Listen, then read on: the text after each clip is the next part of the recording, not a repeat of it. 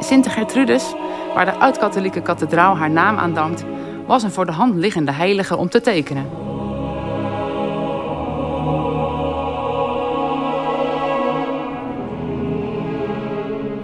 Tot mijn eerste zoektocht naar informatie.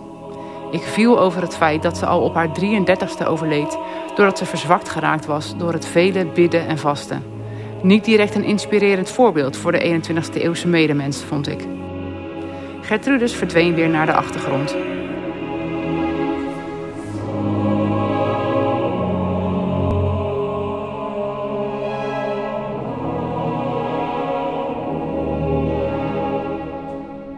Toch staat mijn beeltenis nu hier en ben je verder mijn leven ingedoken.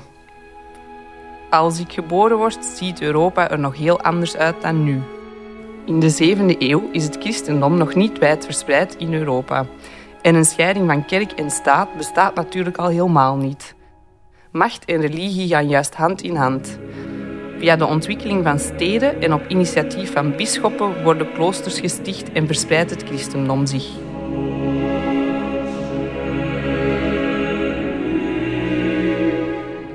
Het gezin waarin ik geboren word is een typisch voorbeeld van het samengaan van macht en religie. Mijn vader is Pepijn van Lande, hofmeijer van de koningen van Australië. Hij, mijn broer, zus en moeder zullen later zalig of heilig verklaard worden. Als ik tien ben, kom ik op een groot feest van koning Dagobert. Ik word daar ten huwelijk gevraagd door een prins. Beetje jong zou je zeggen, maar de tijden zijn nogal veranderd. Met dit soort praktische tactieken kun je beter maar op tijd beginnen. Hoewel ik aan hem kan zien dat hij me echt heel leuk vindt en het me goede vooruitzichten zou geven, wijs ik hem toch af. Ik heb namelijk al lang besloten dat ik het klooster in wil gaan. Hij is enorm teleurgesteld en ik weet niet of de toast die ik op hem uitbreng daar nog veel aan kan verzachten.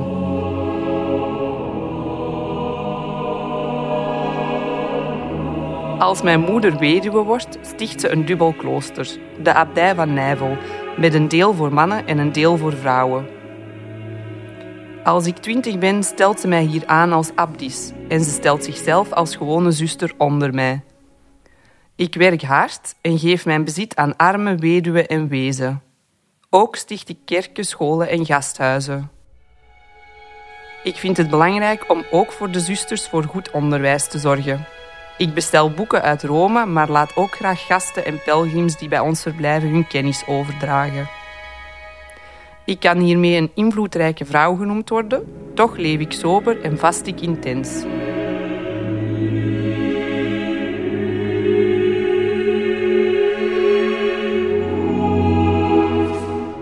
Er bestaat een legende over de prins die mij op mijn tiende ten huwelijk gevraagd had.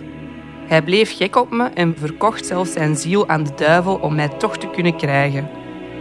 Na zeven jaar kwam de duivel zijn ziel opeisen, maar hij kreeg geen macht over hem, dankzij het feit dat ik destijds die toost op zijn welzijn had uitgebracht.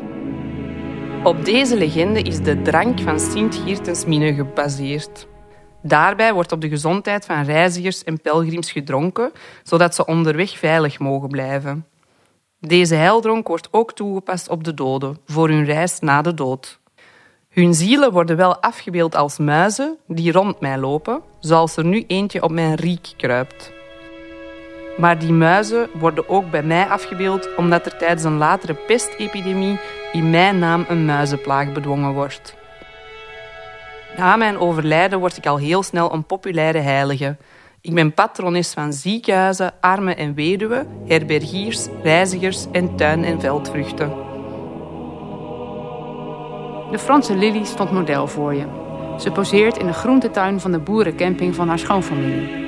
Lily kookt haar heerlijk voor de gasten en de kinderen eten er patat van zelfgerooide aardappels. En de Belgische Julie van Del gaf jou een stem.